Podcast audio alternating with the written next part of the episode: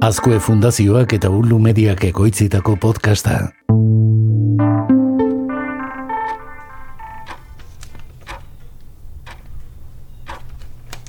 Biodibertsitatea lurrean, giro naturalean garatzen diren bizitza formak dira. Lurreko anistasuna, bizidun espezie guztiak eta bere material genetikoa kontuan hartzen ditu. Denok egin izan dugu hau, batez ere azterketen bezperan. Ikasi behar duguna, behin eta berriz errepikatu, burmuinean tatuatua geratuko zaigun esperantzan. Biodibertsitatea lurrean, giro naturalean garatzen diren... Zoritxarrez, ikerketa ugarik diote estrategia horiek ez direla hain eraginkorrak. Batez ere, ikaslek azterketa amaitu ondoren, beren ikaskuntzari eta edukien ulermenari eutxi nahi badiete. Anistasunak bizidun espezie guztiak eta bere material genetikoa kontuan hartzen ditu.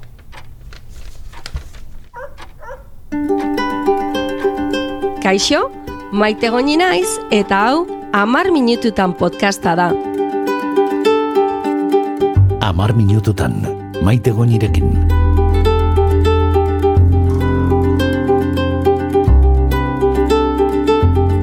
Kaixo podcasten zule, ongi etorri amar minututan podcastaren saio berri honetara. Eta kaixo zuri ere, oier, zer moduz? Kaixo maite bagia esan lokuluska bat eh, behar dut. eh, gau osoa biologia ikasten igaro dudalako. Ai, oier, etzea izango azterketa bezperan ikasten duen oietakoa, ez da? bueno, egia esan e, e, sprinterra gehiago naiz maratoilaria baino eta eta e, ariketa anaerobikoa e, e, ge, gehiago gusta ez zait. E, baina okerrena da zeituan azten zaidala. Nola zan? E, biodibertsitatea... bueno, zu lasai oier, gaurko saioak lagunduko dizu horretan benetan, eh? Izan ere, e, bueno, irakasleok askotan azpimarratzen dugu ikasleek zer ikasi behar duten, baina oso gutxitan nola ikasi behar duten. Demontre, ordun gaurko podcastean ikasten ikasiko dugu? Hoxe, ikaslei ikasten irakastea, bueno, badakigu oso oso garrantzitsua dela. Ikasketa eraginkorra egin dezaten. Bueno, nahi balin baduzu, guazen ikustera hori zehazki zer den eta ze estrategia nagusi dauden. Az gaitezen, aztu baino lehen. It's my memory. Amnesia. No, no, no, no. It's different from that. I have no short term memory. I know who I am. I know all about myself. I just. Since my injury, I can't make new memories. Everything fades. Badago autore bat ikaskuntza irakaskuntza eraginkorrago egiteko eremuko ikerketa interesgarriak dituena, John Dunlowski. Oso ezagunak dira ikasteko estrategiei buruz egin dituen lanak. Zehazki, badu artikulu interesgarri bat oso erraz irakurtzen dena, Strengthening the Student Toolbox. Euskaraz esateko tarrixago ulertzeko ikaslearen erreminta kutsa indartzea. Beste kide batzuekin batera egindako artikulu horretan, hamar ikaskuntza estrategien eraginkortasuna aztertzen du.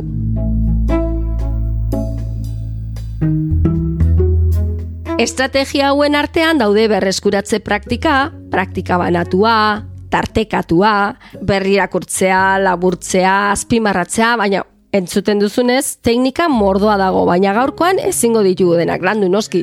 Kind of like the when of studying. But there are lots of what's, the things you can do instead of just rereading the material passively. Estrategia hauen guztien bitartez ikasten duguna gure epe luzerako memorian finkatu ahal izango dugu. Eta gerora, behar ditugunean, gogoratzea errazagoa izango zaigu. They're really not learning a whole lot when in fact they can replace those strategies with other ones that really do boost their learning. So which is exciting. Sure. So now we just have to retrain students, build a better student right to use better strategies.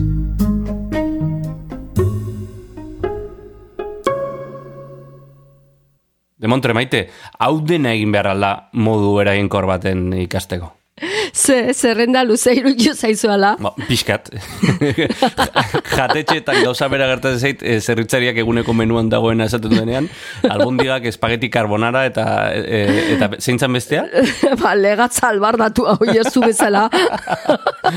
bai, bai, albardatua bai bintzat. E, izane, e, niri iaia astu zaita aipatu duzun zerrendako lehen estrategia zein zen. bueno, hau podcast bat da, beraz, nahi dezun guztitan entzun dezakezu. Lasai lasai horrekin. Egia, hor- hori da birpasatzea. Hori da, birpasatzea. Baina, bueno, igual zailo. E, ze guk e, aurreko, ez teu e, zerrenda oso alanduko, noski, ze e, zortzi kapitulu beharko genituzke, bi estrategia sakonduko ditugu. Ondo iruditzen bazaizu, berreskuratze praktika eta praktika banatua. Oso ondo. Dunloskiren ustez, eraginkorrenak izateaz gain, edo zein adinetan lagungarri direlako. Earki, ba, jarrai dezagun orduan, nola ikasi ikasten.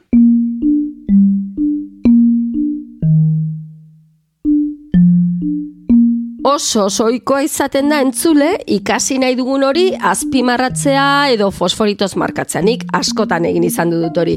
Baina estrategia hori ba ez da oso eraginkorra, ze oso garrantzitsua da jakitea zeinalde dagoen, ba, testu bat behin eta berriz irakurtzea azpimarratzea eta berreskuratze praktika baten artean. just rereading the material passively. And one that we find is really effective, and many others, there's about 100 years of research, uh, very exciting, showing how effective this is. Just retrieval practice. So after you mark up your book, right, and about all the important things, and you go back, instead of just rereading everything you marked up, cover it up with your hand and just try to recall from memory the content. Ikasleak memoriatik erantzun bat zuzen berreskuratzen badu, alegia bere buruari galdera bat egin eta erantzuten saiatzen denean, ba horrek eragin zuzena izan dezake memorian eta hori ez da gertatzen testu bat soilik irakurtzean edo azpimarratzean. And if the student gets that answer right from memory, that has a really potent effect on subsequent performance. Hobeto ulertzeko, bereizi behar ditugu iraupen laburreko oroimena eta iraupen luzeko oroimena.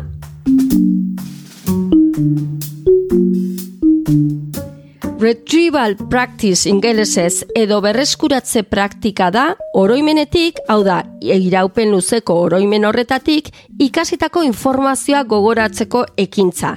Informazio hori berreskuratzen den bakoitzean edo erantzun bat sortzen dugun bakoitzean, hau da, e, galdera bat egiten diogunean gure buruari eta horren erantzuna bilatzen saiatzen garen bakoitzean, jatorrizko memoria aldatzen da indartsoago bihurtuz eta azkenean, ba, ikastea da aldatzea iraupen luzeko oroimenean dugun informazio hori. Zeintzuk dira estrategia honen onurak? Ba, besteak beste, oroipen bat berreskuratzen duzun bakoitzean, gero eta sakonago eta indartsuago bihurtzen da, eta etorkizunean, behar duzunean, berreskuratzea errazagoa da. Gauzak horrela, probak edo testak egiteak ezagutzan ditugun utxuneak identifikatzen laguntzen du. Urrengo ikasketa saioan gehiago ikastea eragiten du, ezagutzaren antolaketa hobea dakar eta ezagutzaren transferentzia testu inguru berrietara eramatea errazten du. Onurak egiesateko ugariak dira. Ba, horri erantzten badiogu bigarren estrategia, praktika banatuarena, ikasketa are eraginkorragoa izango da. Eta zer dio ikerketak praktika banatuari buruz? Ba, oso erraz ulertzen da, dena saio luze batean ikasi beharrean, azterketa bezperan adibidez, denboran zehar ondo planifikatutako saiotan ikastea komeni dela. This is how I think about it. Let's say you're a student uh, getting ready for an exam, and maybe you decide, okay, I can give this four hours of my time.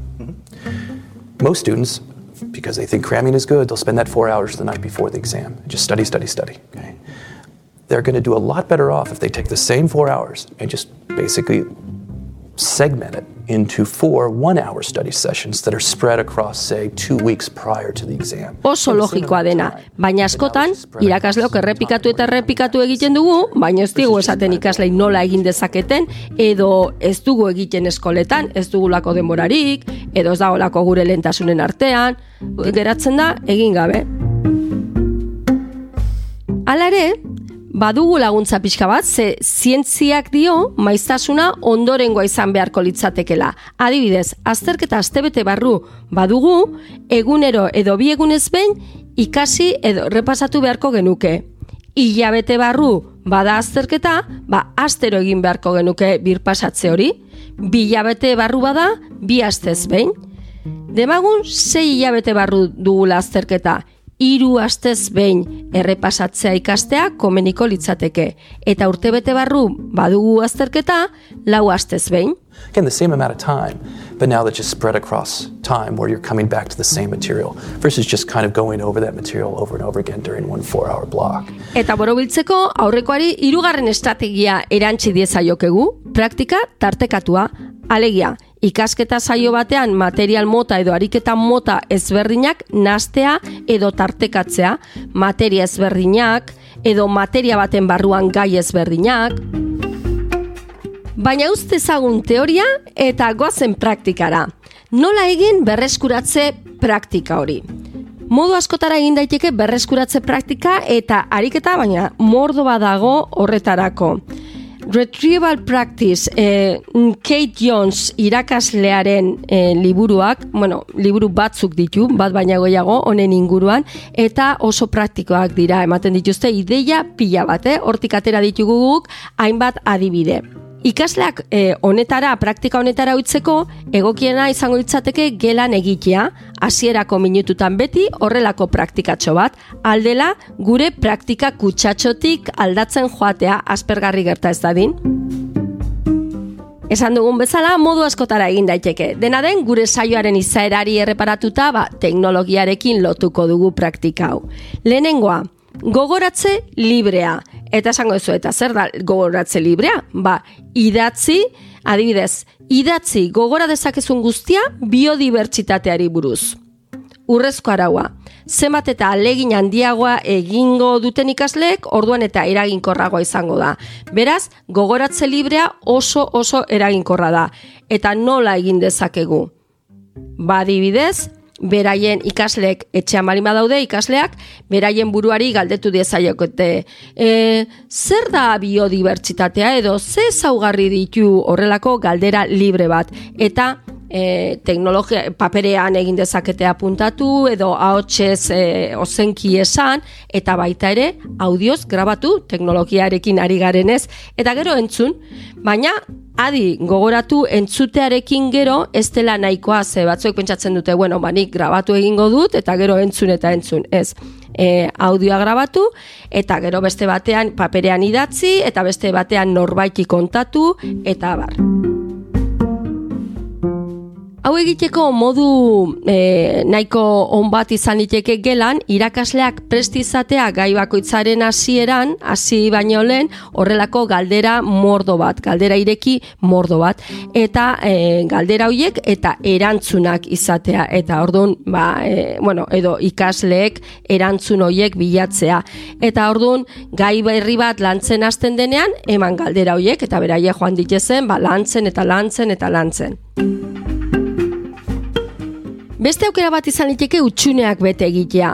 Irakasleok askotan egiten ditugu utxuneak bete ariketak, baina e, badaude formulak, moduak, estrategiak, ba, ez modu ezberdinean egiteko. Ze gogoratu behar dugu, ez dela hitz bat e, berreskuratzea, baizik nahi dugu praktika e, zabaltxegoa egitea, ez? Ordun, en dokumentu digital batean adibidez, denbora lerro bat ipin dezakegu data ezberdinekin bigarren mundu gerrako mugarriak adibidez, ez? Eta dataren bat libre utzi beraiek data osatzeko. Alegia jartzen dugu data bat eta gero azpian beraiek osatu beharko lukete informazioa data horren e, ba, zer gertatu den, zer dakiten horren inguruan eta bar. Urrengo mugarria utzi datari gabe eta erantzunearen partean, ba, pistatxoren bat eman, ba, beraie jarraitzeko osatzen bai azalpena eta bai data, e, azalpen horri lotutako data. Urrengo laukitzoan edo, ba, berriz e, data eman eta beraiek jardezatela, egin dezatela osatu. Ez da behar ikusten duzuen bezala ezer sofistikatua. Nahikoa da, taulatxo batzuk ipintzea dokumentu partekatu batean eta kopia bat helaraztea ikaslei txantilloi moduan. Funtsezkoaren berreskuratzea izan liteke beste horrelako estrategiatxo bat edo beste txantilloi bat eman diezaiek egu. Gogoratu, klasearen hasieran banatzen dugu adibidez, horri bat egin dezakegu paperean edo digitalki ere ba, plantilla horren kopia bat helarazten diegu eta beraiek bete behar dituzte adibidez funtsezko kontuak gai baten inguruan. Bigarren mundu gerrara hueltatuz, ba, txantilloi batean. Funtsezko pertsonaiak, funtsezko datak, funtsezko ezaugarriak, funtsezko hitzak, funtsezko gertaerak, funtsezko ondorioak, adibidez. Eta beraiek egin beharko lukete bete, ba, funtsezko pertsonaiak. Hitler, Stalin, Mussolini, funtsezko datak, ba, hogeita emeretzi, e, gerraren hasiera, edo funtsezko, ez dakit, e, gertaerak, Poloniaren inbazioa edo neguko gerra edo horrelako zerbait. Ordun, e, guk ematen bali badiagu txantilloia ja erakusten ari gatzaizki, ez? Ba, urratsak ematen ari dira, ba, gero beraien kabuz ere txantilloi hoiek erabiltzen joateko edo beraienak sortzeko.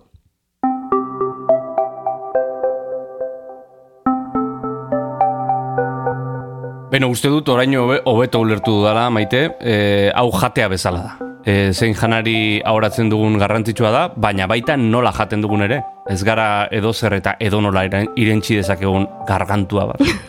Hori da, oier, zuk diozun bezala gure burmuina ondo elikatu behar dugu, baina horretarako jakiak sukaldean ondo prestatu eta egon behar dute. Bere ordu eta neurrietan jan behar dugu eta jakina betekadarik gabe. Bai, bezperako ikasketa, baina maratuirik gabe. Oida, zeintzen menua, oier, albondigak, espagetiak... Biodibertsitate albardatua... bueno, podcast entzuleok, amar minututan urrengo saioan, estrategia hauek ikasgelan garatu alizateko ze tresna dauden, batzuek berreskuratzea jolas moduan egiteko aukera emango digute, eta nola erabili ikasiko dugu. Eta noski, audio plataforma nagusitan erpasatu ditzakezu aurreko saioan, nola ez? Arpidetu eta lehenengo izan zaitezke amar minututan zure gailuan jasotzen. Hori da, eta gustatu balin bat zaizu, partekatu lagunekin. Agur oier! Agur, agur, maite! Agur! Te recuerdo, Amanda, la calle mojada, corriendo a la fábrica donde trabajaba Manuel.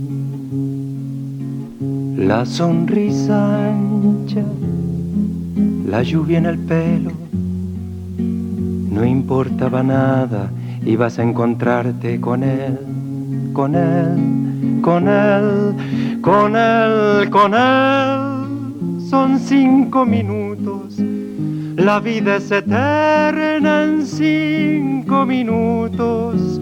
Suena la sirena de vuelta al trabajo y tú caminando lo iluminas todo los cinco minutos te hacen florecer. Te recuerdo, Amanda, la calle mojada, corriendo a la fábrica donde trabajaba Manuel. La sonrisa ancha la lluvia en el pelo, no importaba nada, ibas a encontrarte con él, con él, con él, con él, con él, que partió a la sierra, que nunca hizo daño, que partió a la sierra y en cinco minutos quedó destrozado, suena la sirena de vuelta al trabajo, muchos no volvieron, tampoco Manuel. Te recuerdo, Amanda, la calle mojada, corriendo a la fábrica donde trabajaba Manuel.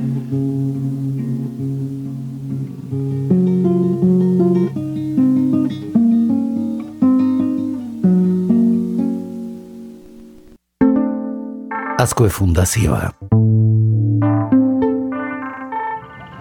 Ei, txt, entzun hori. Ulu Media.